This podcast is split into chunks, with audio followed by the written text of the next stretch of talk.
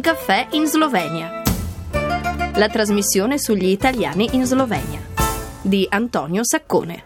E buongiorno a tutti dalla voce di Antonio Saccone, ben ritrovati sulle frequenze di Radio Capodistria per cominciare una nuova avventura chiamata Un caffè in Slovenia. Di cosa si tratta? Si tratta di una trasmissione che parla degli italiani che hanno deciso di trasferirsi in Slovenia. Perché? Perché eh, sono sempre di più le persone che decidono di fare questa scelta e eh, si apre il ventaglio di profili, di storie e di ragioni per cui questa scelta viene fatta. I motivi per cui ci si trasferiva dall'Italia verso la Slovenia appartenevano a due macro eh, categorie, da una parte c'è il personale diplomatico che veniva e viene inviato in Slovenia, dall'altra tutte quelle persone che lavorano per organizzazioni internazionali oppure aziende multinazionali che vengono inviate appunto eh, per eh, stabilirsi in Slovenia in un periodo più o meno eh, determinato. La seconda ragione erano e sono i vincoli familiari, quindi persone che hanno origini in Slovenia o che magari hanno una relazione, costruiscono una famiglia con un partner o una partner appunto eh, sloveno. In realtà adesso questo ventaglio si sta allargando, ci sono dei pensionati, ci sono degli imprenditori, delle persone che arrivano con un progetto legato a degli investimenti, ci sono i ristoratori, i negozianti, sempre più persone che lavorano nell'ambito del turismo perché cresce anche il numero di eh, turisti italiani che arrivano in Slovenia, ci sono i commercianti in genere, ci sono tanti liberi professionisti. Eh, un altro segmento interessante è quello degli artisti, musicisti, attori. E poi ci sono tutte le persone collegate ai progetti europei, quindi vari studenti Erasmus, ricercatori, eh, ci sono i professionisti altamente specializzati che magari le aziende slovene non riescono a reclutare all'interno del loro mercato del lavoro, ci sono quelle persone che scelgono la Slovenia semplicemente perché gli piace il paese, si innamorano innamorano della natura, si innamorano insomma del contesto eh, territoriale sloveno, ci sono tanti eh, lavoratori in remoto che magari lavorano nell'ambito dell'informatica, che possono essenzialmente lavorare eh, con una connessione internet, ci sono tanti che arrivano magari con un'idea di start-up, perché in fondo la Slovenia è una nazione che è eh, sufficientemente piccola per rendere agevole eh, il test di nuove idee, ma magari sufficientemente grande per avere un minimo di significatività collegato a questo uh, test.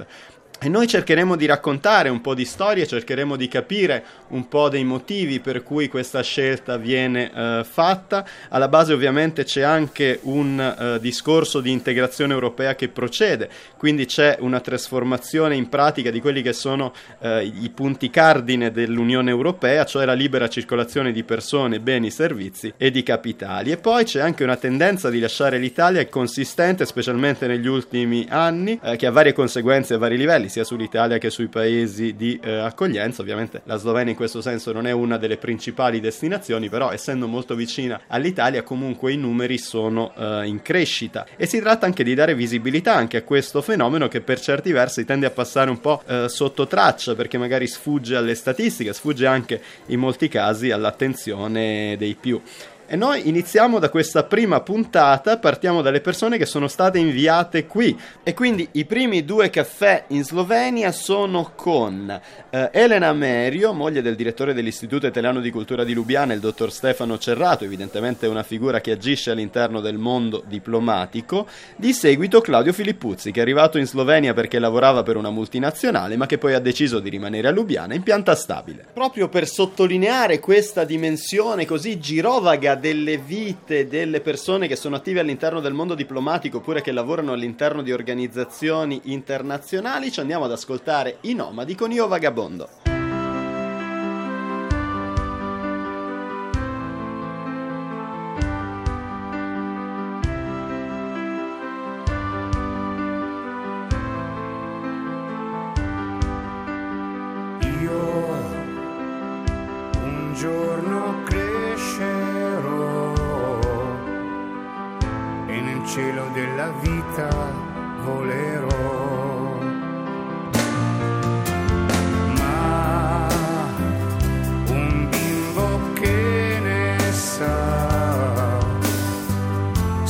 Sul mio corpo il chiarore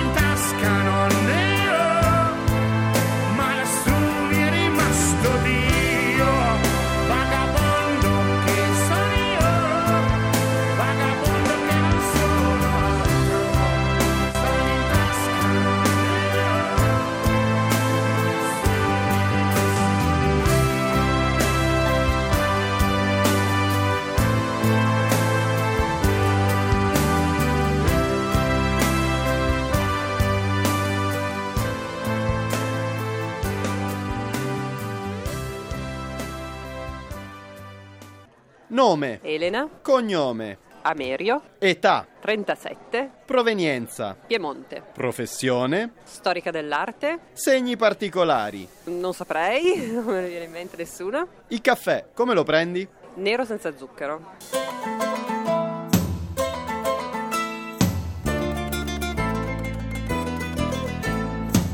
Allora, in Slovenia mi ci hanno portata, nel senso che ci sono arrivata per il lavoro di mio marito quasi tre anni fa ed era un po' in destino perché era una destinazione che avevamo già cominciato ad addocchiare nel 2012, poi per varie ragioni eravamo finiti da tutt'altra parte del mondo, nel 2016 siamo arrivati qua. Prima della Slovenia siamo stati, parlo al plurale perché comunque siamo un team io e mio marito, siamo stati quattro anni in Perù e prima io ho vissuto due anni a Parigi. E come ti trovi qui a Lubiana? Molto bene perché comunque è una città a misura d'uomo, molto verde ed è stato un cambiamento notevole perché dopo quattro anni di Perù siamo passati da una città di 10 milioni di abitanti a un paese di due e abbiamo dovuto un po' ridiscutere tutto il nostro concetto di dimensioni, di spostamenti nella città, uno strano impatto, sia passare appunto da queste dimensioni a una città più umana, ecco. Ti piace la tua vita qui? Sì, molto, è comunque una città che offre tanto e la vicinanza con l'Italia diciamo che aiuta forse anche a sentire meno la nostalgia di casa. Come ti trovi con eh, gli sloveni, vicini di casa, amici, colleghi? Allora, mi trovo molto bene. Va detto che forse gli sloveni della nostra cerchia di amici sono sloveni forse un po' anomali, perché comunque sono persone che o hanno sposato eh, uno straniero o hanno magari loro stessi studiato un periodo all'estero, vissuto o lavorato. Quindi diciamo che c'è persone 100% che sono sempre rimaste in Slovenia per tutta la loro vita, forse non li conosciamo.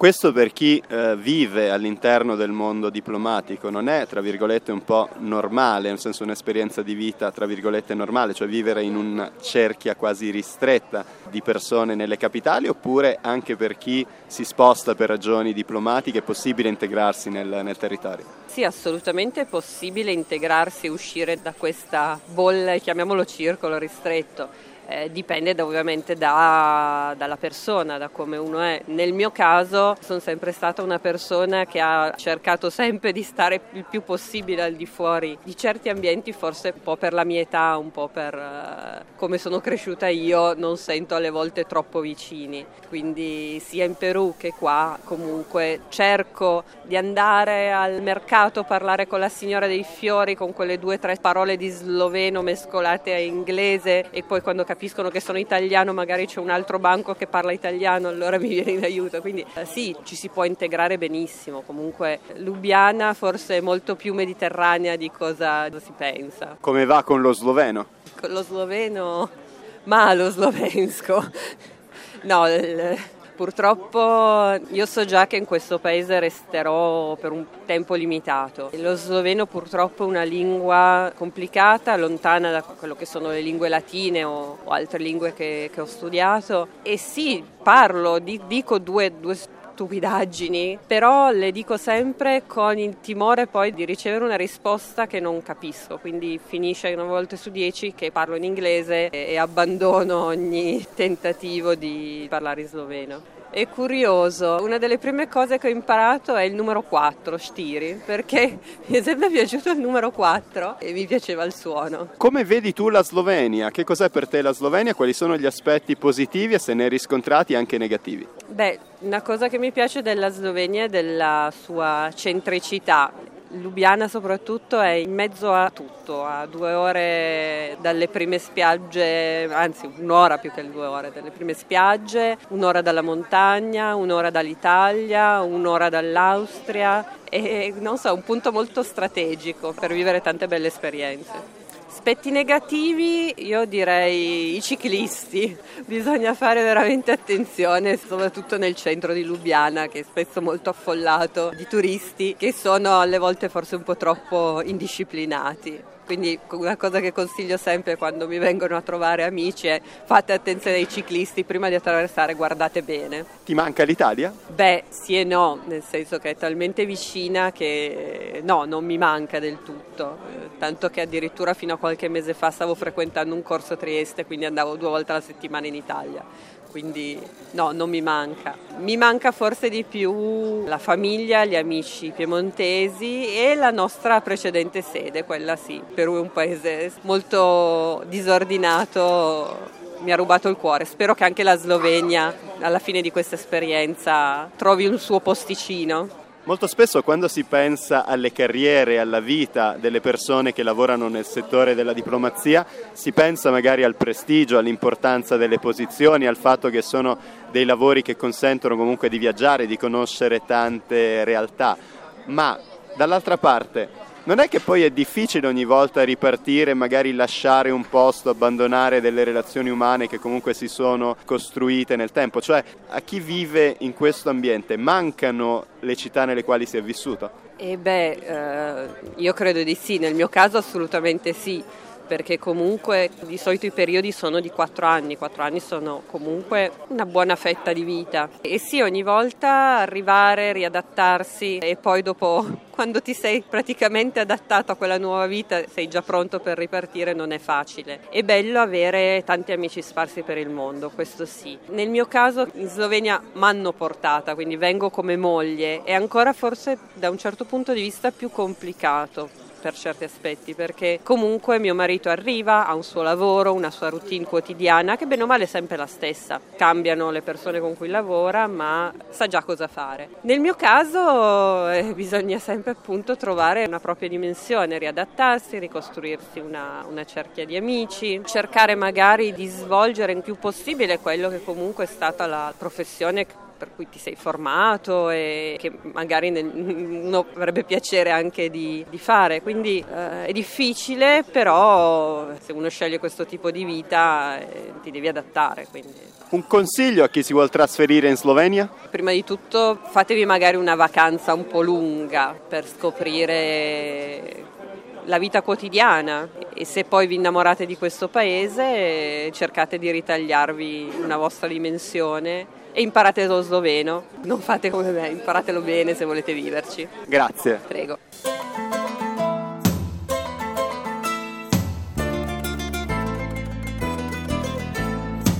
Nome. Claudio. Cognome. Filippuzzi. Età. 62. Provenienza. Pordenone. Professione. Contabile. Segni particolari. Pelato. Il caffè come lo prendi? Lo prendo diverse volte al giorno, caldo, abbastanza lungo.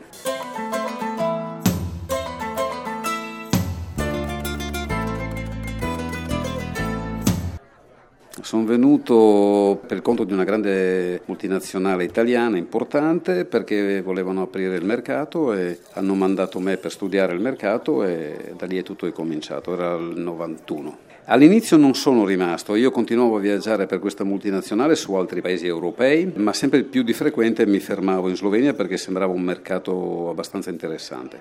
Poi essendo friulano era anche attraente per me fermarmi vicino a casa. Verso l'anno 2000 circa ho pensato di lasciare la multinazionale e fare qualcosa di mio. Perché? Perché mi è piaciuto il paese, mi ero fatto amici qui, avevo creato un, una mia vita, se vogliamo, anche privata, non solo di lavoro, ed era molto affascinante provare questa esperienza che è sempre stato un mio desiderio di avere un'azienda mia e fare lo stesso lavoro, ma per tutti, non solo per un solo datore di lavoro.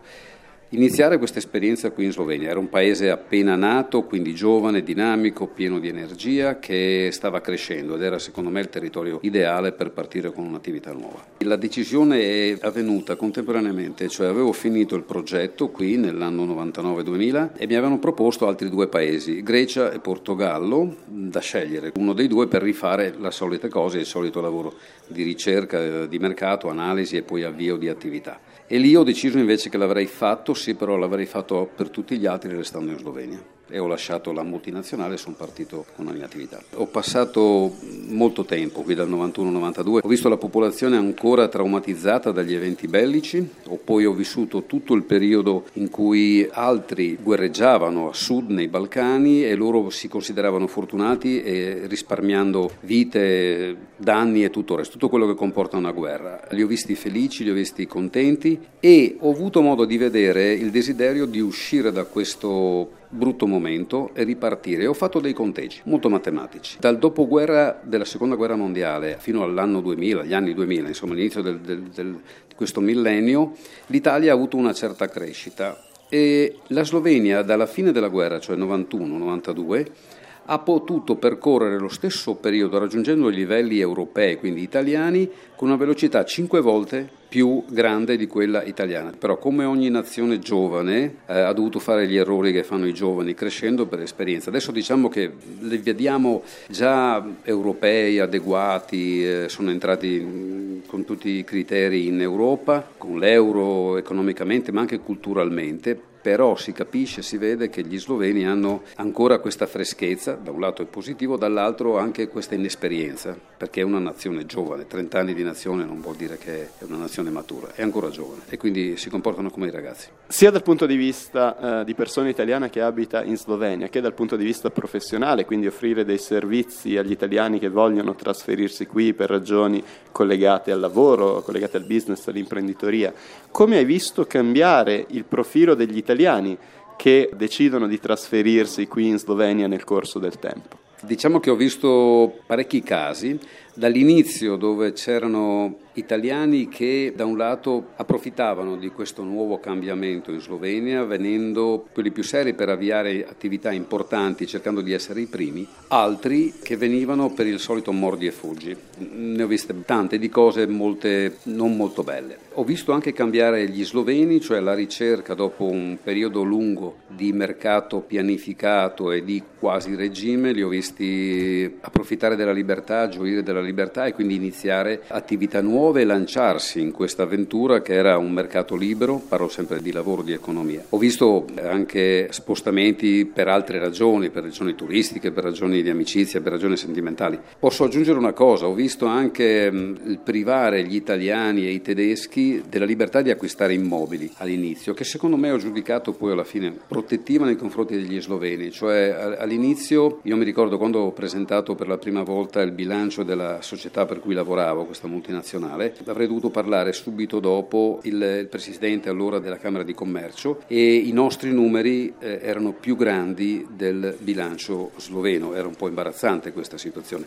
Quindi è facile da immaginare che una qualunque grande società europea sarebbe potuta venire in Slovenia a comprarla cash. Hanno fatto molto bene a proteggersi, a lasciare che anche il mercato e la gente crescesse, la popolazione, l'economia crescesse a tal punto per cui poi si poteva competere avrebbero potuto comprare o gli sloveni, parlo di immobili, oppure gli stranieri. Hanno dovuto, come succede in questi casi, svendere delle grosse aziende, ma è un prezzo insomma, che era necessario forse pagare per entrare così bene come sono entrati in Europa. Venendo invece alla tua esperienza in quanto persona che abita qui in Slovenia, la domanda è come va con gli sloveni, quindi colleghi, vicini di casa, amici, business partner, come ti trovi qui? Io mi trovo molto bene, mi sono sempre trovato molto bene perché mi ha affascinato fin dall'inizio la freschezza, la giovinezza, se vogliamo, del paese e della popolazione, la voglia di fare e ho potuto vedere e anche ho potuto fare qui realizzare dei progetti in breve tempo concentrandomi sul da farsi e non sulla burocrazia.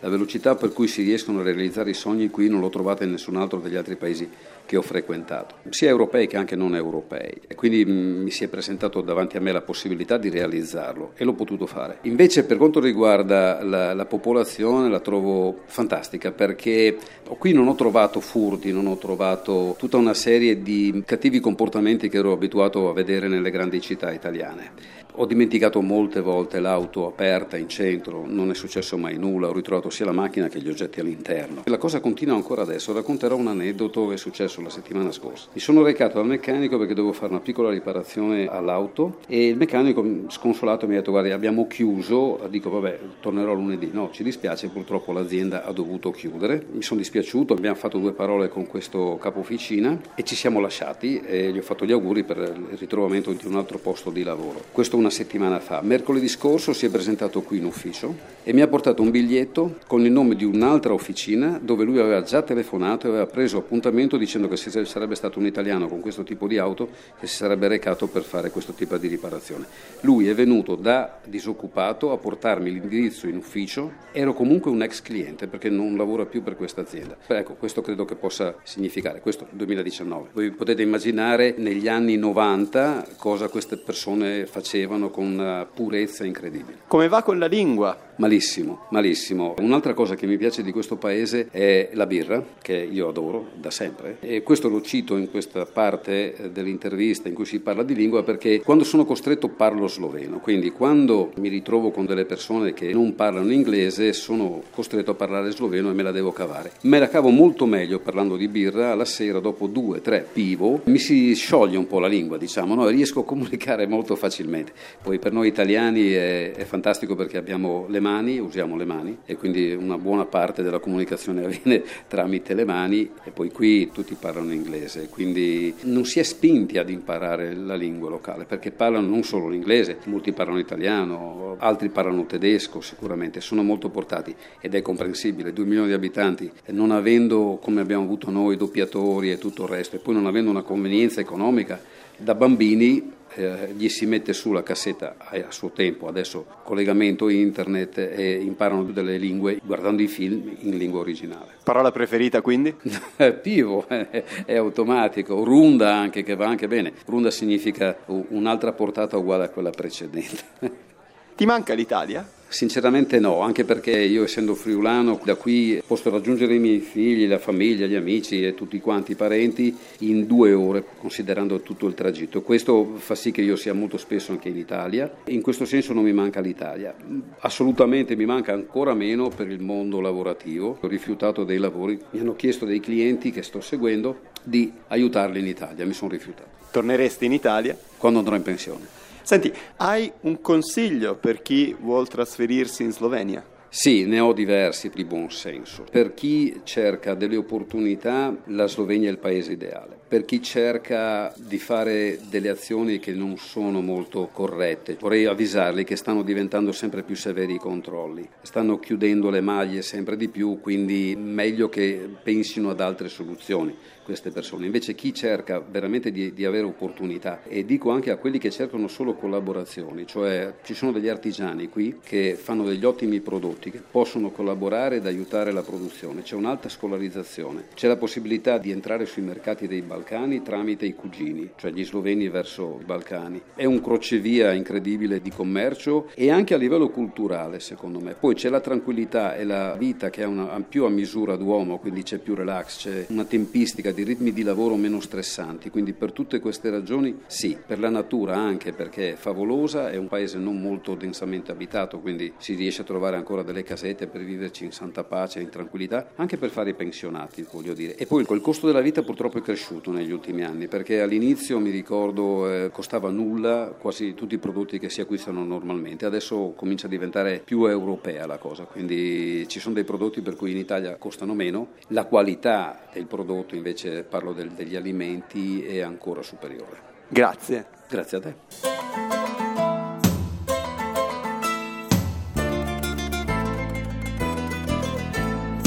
E con Should I Stay e Should I Go arriviamo in fondo a questa puntata di Un caffè in Slovenia. Da Antonio Saccone l'augurio di un buon proseguimento di giornata.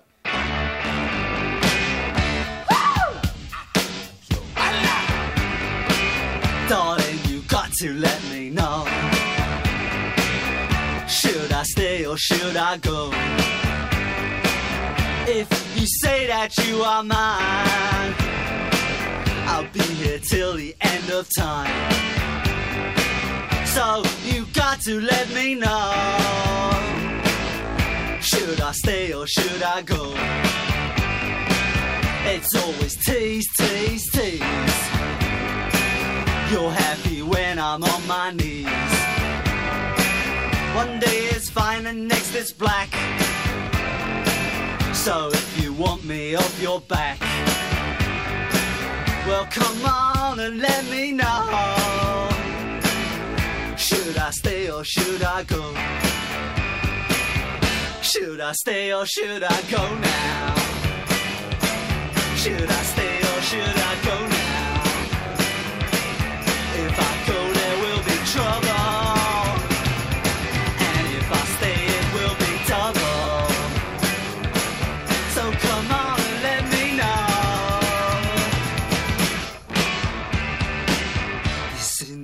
indecision's bugging me. If you don't want me, set me free. Exactly whom I'm supposed to be. Don't you know which clothes even fit me? Come on and let me know. Should I cool it or should I blow?